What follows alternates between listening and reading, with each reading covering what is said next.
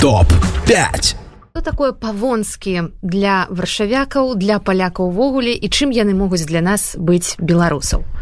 Могілкі якія знаходзяцца ну зараз в прынцыпе унутры варшавы калісьці гэта было далёка далёка за горадам.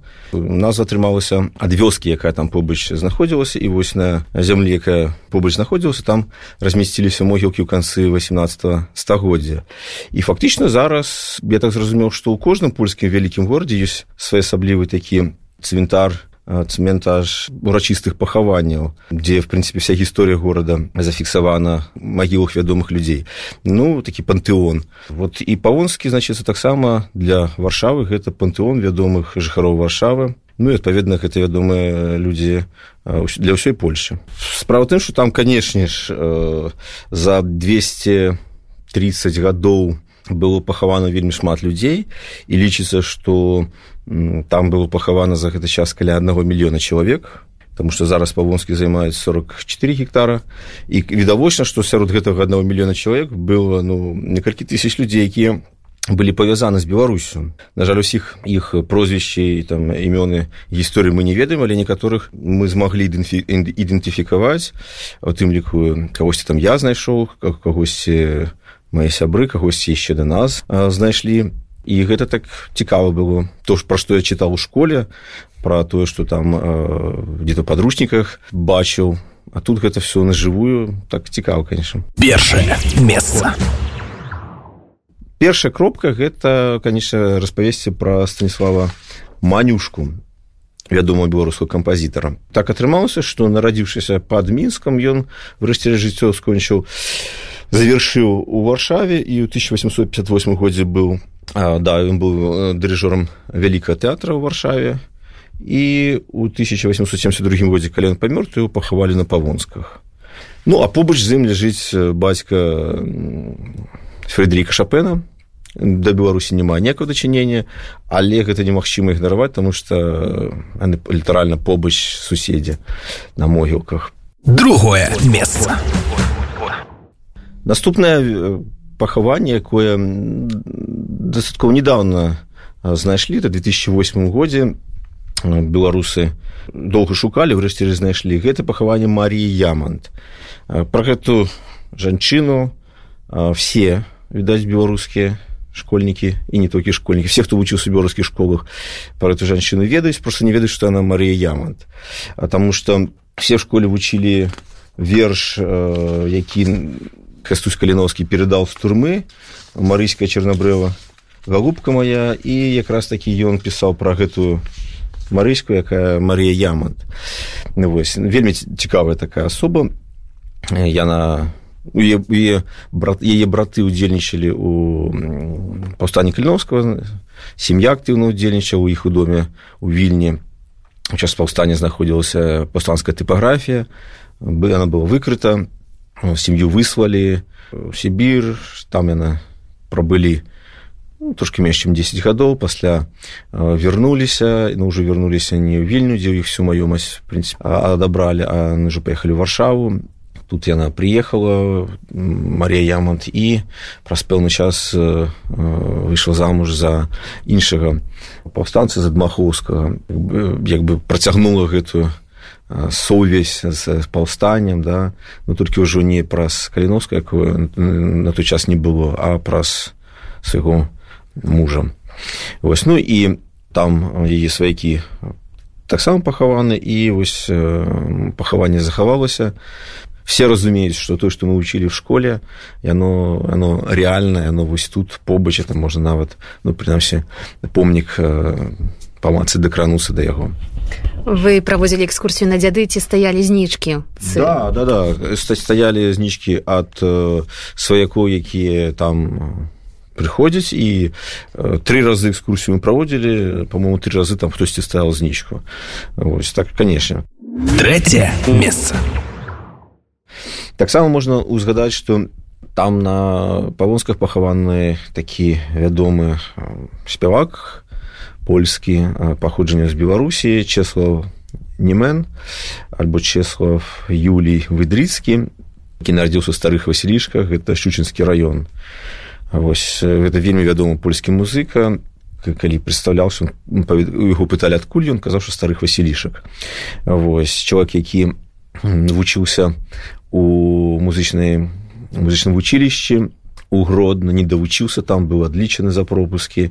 Бацька 1958 годзе выехаў з сям'ёй в польшу. І як пасля бацька казаў сваім сябрам у васіліш старых васілічках пісаў што выехал за чесова там што разумею што чесваў цесна ось там дзе ён апынуўся да ён памёр ад рака ў 2004 годзе і што мне конечно уразіла такі вось вельмі такі не ведаю інтымны падыход калі так можна сказаць калі пачалася цырымонія пахавання в 2004 годзе то на ўсіх радыёстанцыях польльшы уключілі самую вядомую песню часонімена дзіўны естын свят она такая вельмі пяшчотная вельмі такая пранікнёная.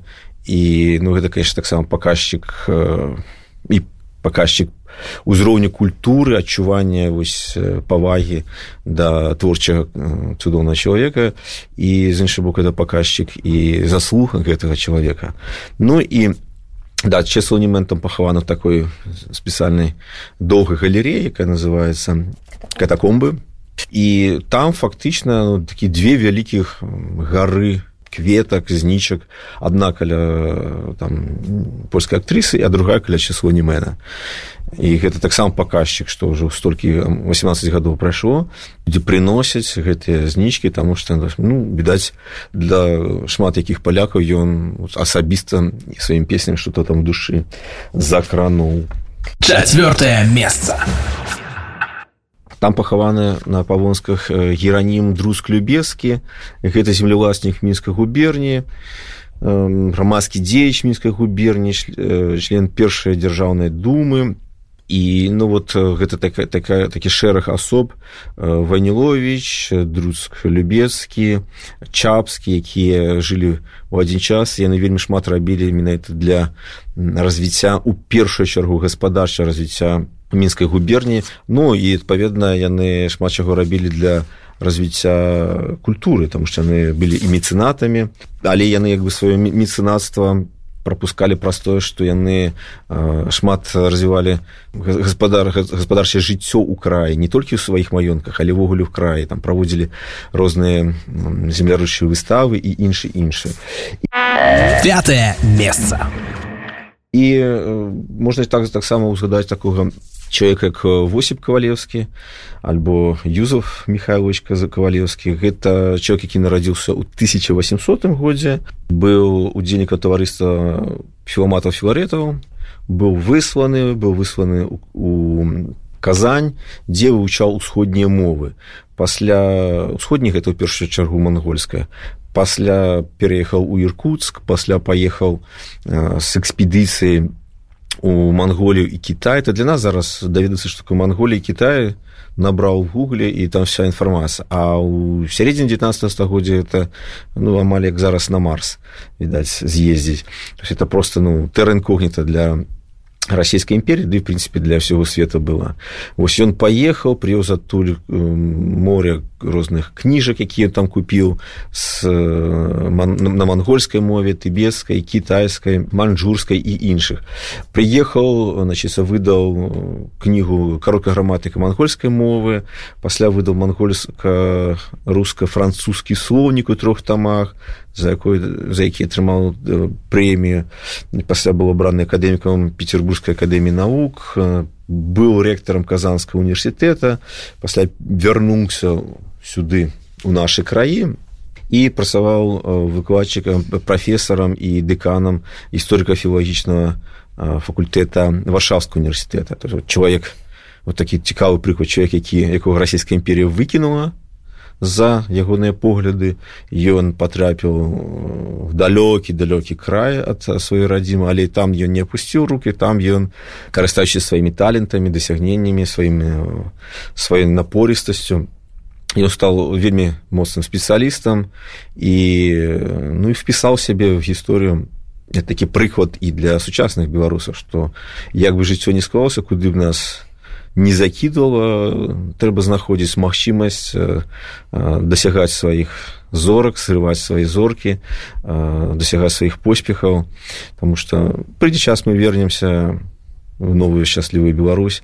Вось але з чым мы приедзем гэта пытанне застаецца.